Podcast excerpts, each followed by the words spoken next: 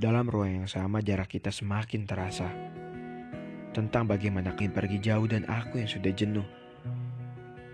Ternyata menunggu terlalu lama itu menjenuhkan untuk seseorang yang bahkan kembali pun sepertinya enggan.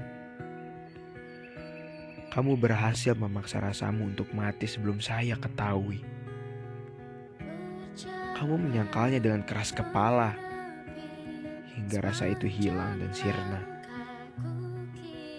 Kemarin saya sudah melakukannya padamu juga.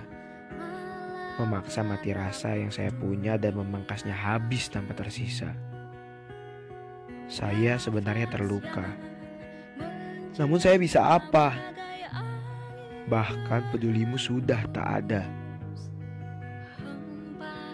Saya pernah dengan keras kepala menunggumu. Hingga saya sendiri sadar.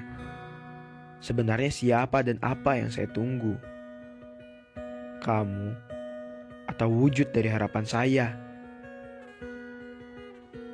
Pikir saya menunggu tak akan menjadi hal yang sia-sia ketika saya menanti sambil memperbaiki diri.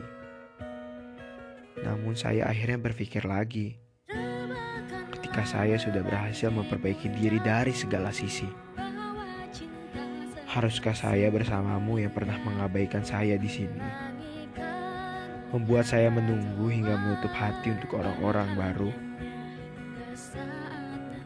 Pada akhirnya ketika saya sudah berhasil memperbaiki diri, kamu tetap saja acuh dengan ego yang menjulang tinggi.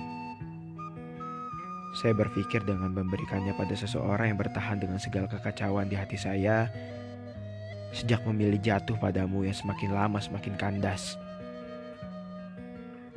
Ketika saya sudah berhasil memperbaiki diri, saya akan menjatuhkan hati pada dia yang memberi warna pada hari-hari saya yang pernah mati. Dan pada dia yang mencintai saya tanpa tetapi. Itu pun bila terjadi.